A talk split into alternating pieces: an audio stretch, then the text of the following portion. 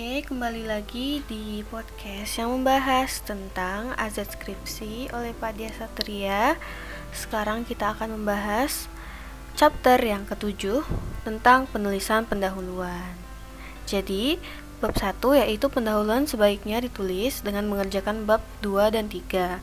Hal ini dilakukan karena bagian pendahuluan sangat mungkin untuk dirubah seiring dengan perubahan di dalam proses penyelesaian literatur review dan metode penelitian yang dalam proses penyelesaian menemukan hal-hal baru.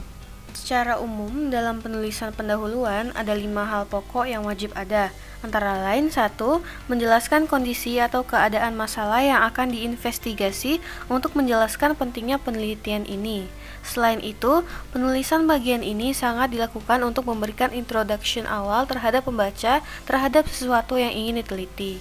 Dalam konteks ini, kita harus berasumsi bahwa pembaca tidak memiliki knowledge terhadap apa yang diteliti. 2. Menjelaskan aspek-aspek atau bagian yang telah diteliti dalam penelitian sebelumnya atau previous research. Dalam hal ini, direview beberapa penelitian yang memiliki fokus yang sama dan bagaimana secara singkat dijelaskan hasilnya.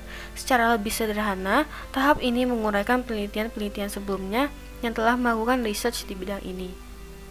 Yang ketiga yaitu menjelaskan bagian spesifik dari penelitian terdahulu yang belum dilakukan dan akan diinvestigasi atau research gap. Bagian ini disebut juga sebagai research niche. Yang keempat, menjelaskan tentang tujuan penelitian dan yang kelima, menjelaskan justifikasi kenapa melakukan studi ini dan apa kontribusinya.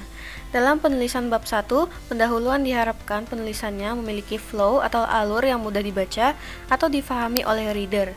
Oleh karena itu, ada beberapa hal yang penting yang mendasar yang sebaiknya difahami dan dilakukan. Yang pertama, sebelum memulai menulis buat dahulu kerangka tulisan atas poin-poin yang ingin disampaikan dalam setiap paragraf. Yang kedua, dalam satu paragraf, sebaiknya ada satu main idea atau poin dengan format dasar, satu induk kalimat, dan ada beberapa anak kalimat. Nah, cukup sekian chapter yang ketujuh yaitu penulisan pendahuluan. Di chapter selanjutnya kita akan membahas tentang pembahasan. Terima kasih telah mendengarkan.